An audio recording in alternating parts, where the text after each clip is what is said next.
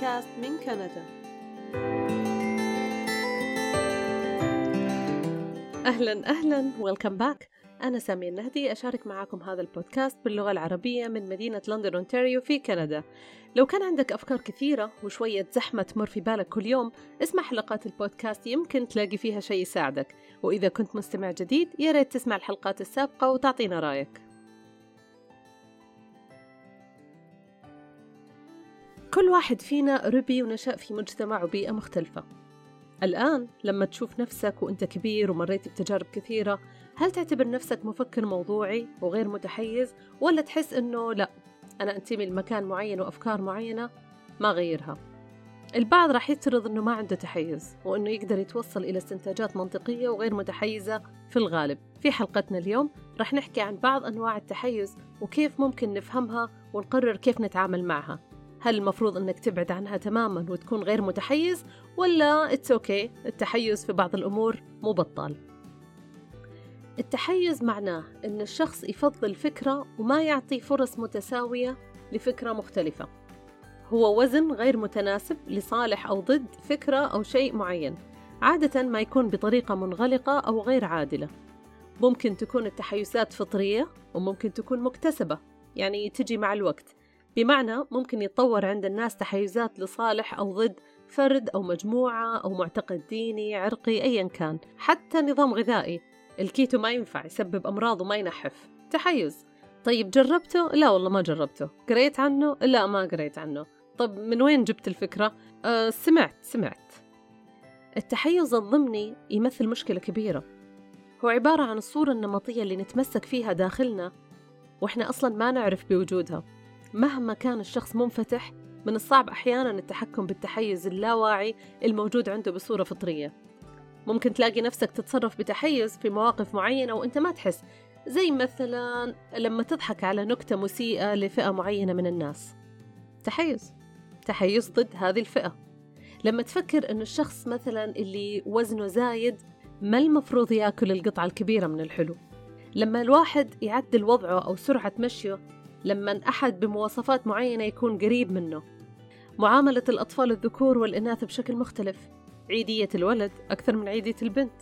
وأنت في المكتب مطلوب منك تعمل انترفيو لأشخاص مرشحين للعمل. لا شعوريا تستبعد واحد ولا اثنين بس لأنه لهجتهم مختلفة. أو مظهرهم في نظرك أقل جمالا من الآخرين. طبعا في استثناءات إنه تكون الوظيفة تتطلب شكل معين أو لهجة معينة أو عمر معين هذا موضوع ثاني. ولكن إحنا نحكي بالمجمل. في العلوم والهندسة والطب التحيز هو خطأ منهجي فادح. كباحث لازم تكون محايد لأبعد حد وممنوع تسمح لميولك الشخصي يأثر على نتائج الأبحاث اللي تسويها. التحيز يا أصدقائي له أنواع كثيرة ومتشعبة و... ويطول الحكي فيها لكن اليوم بنناقش أشهر ست أنواع من التحيز اللي ممكن نلاقيهم مربوطين بواقعنا اليومي.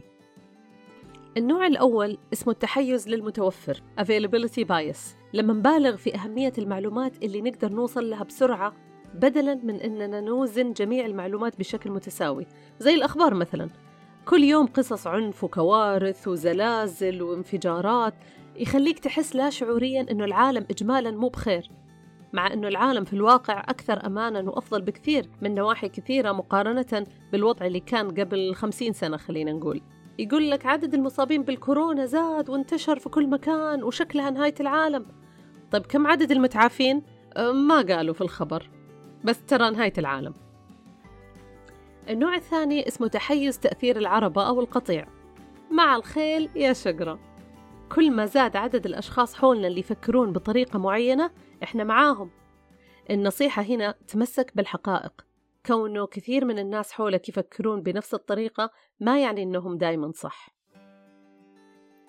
النوع الثالث هو التحيز الانتقائي. النقي. ما تشوف الشيء إلا اللي أنت تبغى تشوفه. ابنك راح يسوي أفضل مشروع في صفه لأنه ابنك أحسن ولد في العالم. بالتالي هو ما يغلط ولا في أي تقصير في الشغل اللي سواه. لكن زملائه ما يفهمون. النوع الرابع التحيز التأكيدي confirmation bias. لما تستمع فقط للمعلومات اللي تؤكد الشيء اللي تؤمن فيه ويمشي مع وجهة نظرك. تختلف مع أحد في وجهة نظر جري بسرعة على جوجل. أسوي بحث بطريقة معينة تبين كلامي صح وأول رابط يدعم كلامي يلا برودكاست لكل أبطال الجمهورية. طيب وال 500 link اللي تحت اللي يدعمون وجهة النظر الثانية لا لا خلاص شكرا أنا عندي الدليل وزي ما أنتم عارفين الدليل دايما قالوا له والدليل قالوا له هي قالوا له ده كلمة قبيحة هو أنا أول واحد في البلد دي يقول قالوا له ما عبد الحليم حافظ كان طول النهار يقول له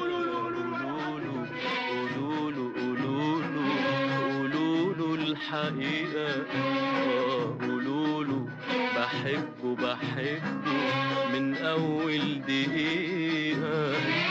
قولوله بحبه ومتوهني حب النوع الخامس اسمه تحيز خطأ الإسناد الأساسي. لما تلاقي أعذار لأخطائك لكن ما تلاقي أعذار لأخطاء الآخرين. أشهر مثال على ذلك هو القيادة السيئة. أخواني الكرام لما نعمل أي غلطة في السواقة معليش اليوم أنا تعبان مو مركز. It's not my day. بالي مشغول. تمر قدامك سيارة ثانية وعملت نفس الحركة اللي أنت عملتها؟ أقطع إيدي لو ما كانت مرة اللي تسوق. أصلا سواقة النسوان.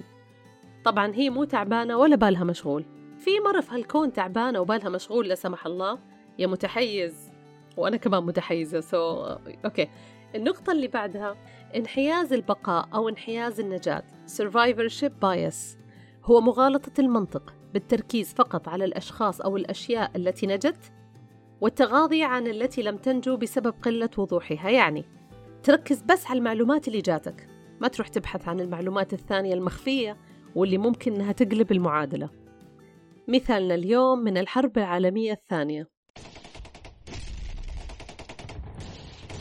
في السنوات الأولى من الحرب العالمية الثانية كانت فرص عودة أطقم المقاتلات الأمريكية إلى القواعد شبه منعدمة تقريبا. كانت بمجرد ما تدخل أجواء العدو تنهال عليها الطلقات من كل جانب.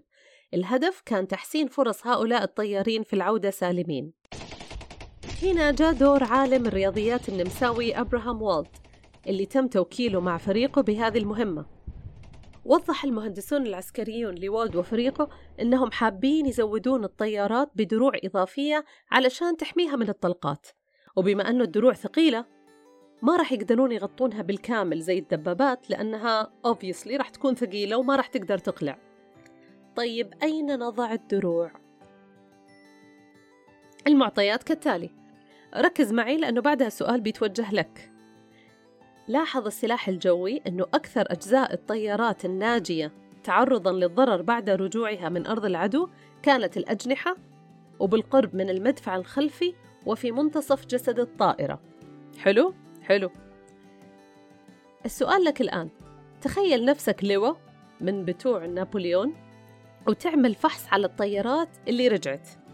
ولقيت أنه جميع الطلقات متركزة في الأجنحة وعند المدفع الخلفي ومنتصف جسد الطائرة.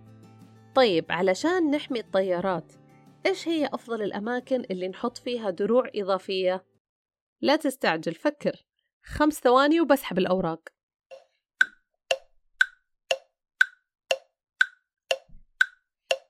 بالمنطق الأماكن اللي أكثر تعرضا للضرر هي اللي المفروض ندعمها علشان نحميها. هذا كان رأي القادة العسكريين وكان رأيي واحتمال كان رأيك. لكن والد عارض هذا الرأي بشدة وبعكس الطريقة اللي فكر فيها الجميع هو شاف أن الأماكن اللي تتجمع فيها ثقوب الطلقات هي أقوى الأماكن في جسد الطائرة بدليل أنها نجت وقدرت ترجع. الطائرات في نظر والد تحتاج إلى دروع في المناطق اللي ما جات عليها طلقات لأنه غالبا في طيارات كثيرة لم تنجو ولم تنجح في العودة ضربت في هذه المناطق وسقطت.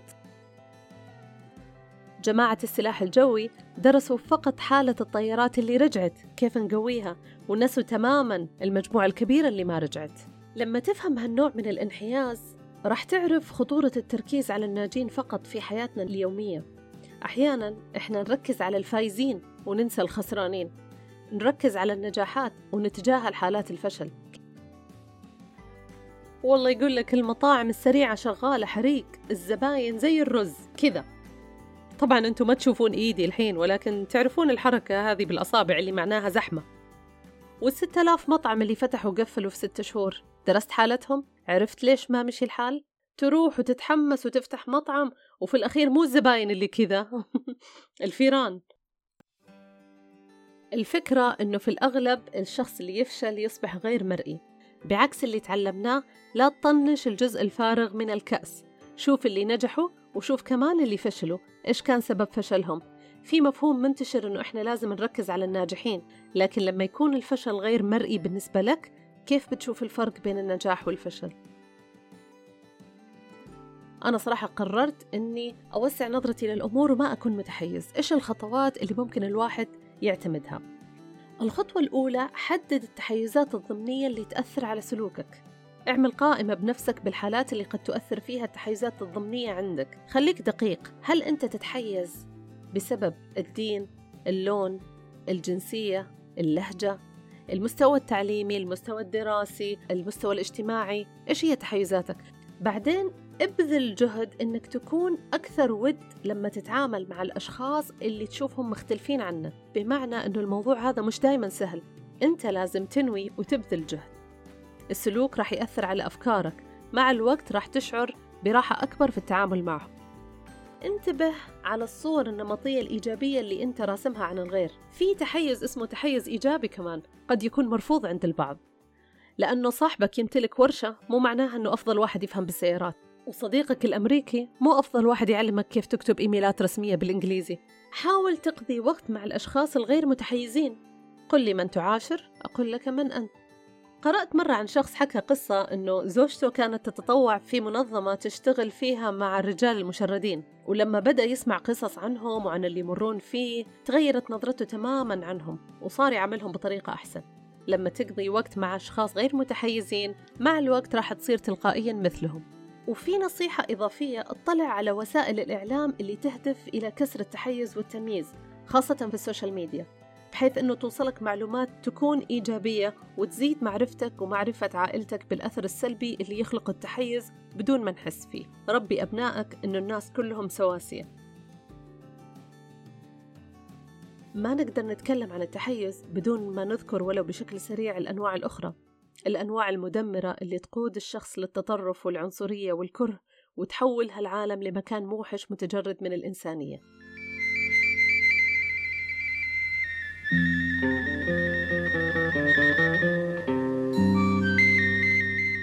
قصتنا اليوم حكت عنها أغلب وسائل الإعلام. قصة مؤلمة أثرها راح يستمر سنين طويلة في حياة طفل. اليوم الأحد. التاريخ 7 يونيو 2021 المكان مدينة لندن أونتاريو في كندا. الساعة الثامنة والنصف مساء. عائلة مكونة من أب وأم وفتاة بعمر 15 سنة والطفل بعمر 9 سنوات والجدة. يمشون على الرصيف. زي ما هي عادة أغلب سكان المدينة في الليالي اللي يكون جوها حلو. ليلة عادية وهادية جداً. وصلوا للتقاطع. وقفوا في زاوية الشارع لحد ما تفتح إشارة المشاة. ممكن كانوا وقتها يتكلمون عن خططهم للأسبوع الجديد. يمكن كانوا يتذكرون أحداث صارت لهم خلال نهاية الأسبوع. يمكن كانوا يفكرون إيش يأكلون على العشاء. نسوي أكل في البيت ولا نطلب دليفري فجأة سيارة يسوقها رجل عمره عشرين سنة. تسوق بأقصى سرعتها متعمدة باتجاههم وتقرر تدعسهم جميعا.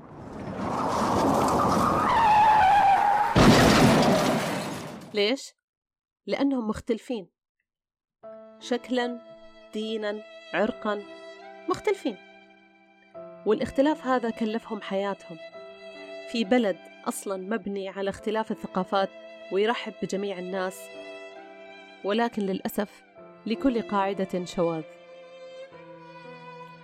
الحادث راح ضحيته جميع أفراد الأسرة ما عدا الطفل اللي مؤخرا طلع من المستشفى. الطفل اللي شاف كل شيء وعاش اللحظة وراح يعيش طول عمره اللحظة. والسؤال اللي راح يستمر في باله بدون جواب ليش؟ الفاجعة هذه هي الأولى من نوعها في مدينة لندن. الفاجعة هذه هزت كندا كلها بكل ما تحمله الكلمة من معنى. أعضاء الحكومة جو للمدينة وأكدوا أن التطرف والكره والعنصرية مرفوضين تماما When someone hurts any of us, when someone targets any parent or child or grandparent, we must all stand together and say no. No to hatred and to Islamophobia. No to terror and to racism. الاستنتاج يا أصدقائي كلنا متحيزون. لا نستثني أحدا. لكن التغلب على التحيز أو التخفيف منه يبدأ بالوعي. لا تصبح أسير أفكارك الخاصة. أخرج باستمرار وابحث عن المعلومات اللي تحتاجها. اقرأ. حسيت في اختلاف؟ اقرأ عنه علشان تفهم من وين جاء الاختلاف وإيش اللي يميزه. قابلت شخص مختلف عنك. لبسه مختلف كلامه مختلف أكله مختلف دينه مختلف. تكلم اسأل. افهم. يا ابن آدم خلقك الله مختلف. فبربك باختلافك اعترف. وفي تفردك احترف. كن خليفة الله على الأرض باختلافك ولا تتبع ذاك القطيع. عش حرا يا ابن آدم فهذه الأرض للجميع. في مقولة للفيلسوف الإنجليزي فرانسيس بيكون تقول القراءة تصنع إنسانا كاملا والمشورة تصنع إنسانا مستعدا والكتابة تصنع إنسانا دقيقا. علشان فكرك يكون أقرب للكمال والاستعداد والدقة اقرأ. المعرفة والانفتاح هي القوة العظمى اللي تساعدنا على التعامل مع التحيز اللي ممكن نكون كلنا نمارسه بدون ما نشعر. وسلامتكم. بس بيني وبينكم صدقا يعني مين اللي سواقته أحسن الرجل ولا المرأة؟ شكرا لاستماعكم. اكتبوا تعليقاتكم على الحلقة في صفحة البودكاست على الإنستغرام. كنت معكم سامية النهدي ألقاكم على خير.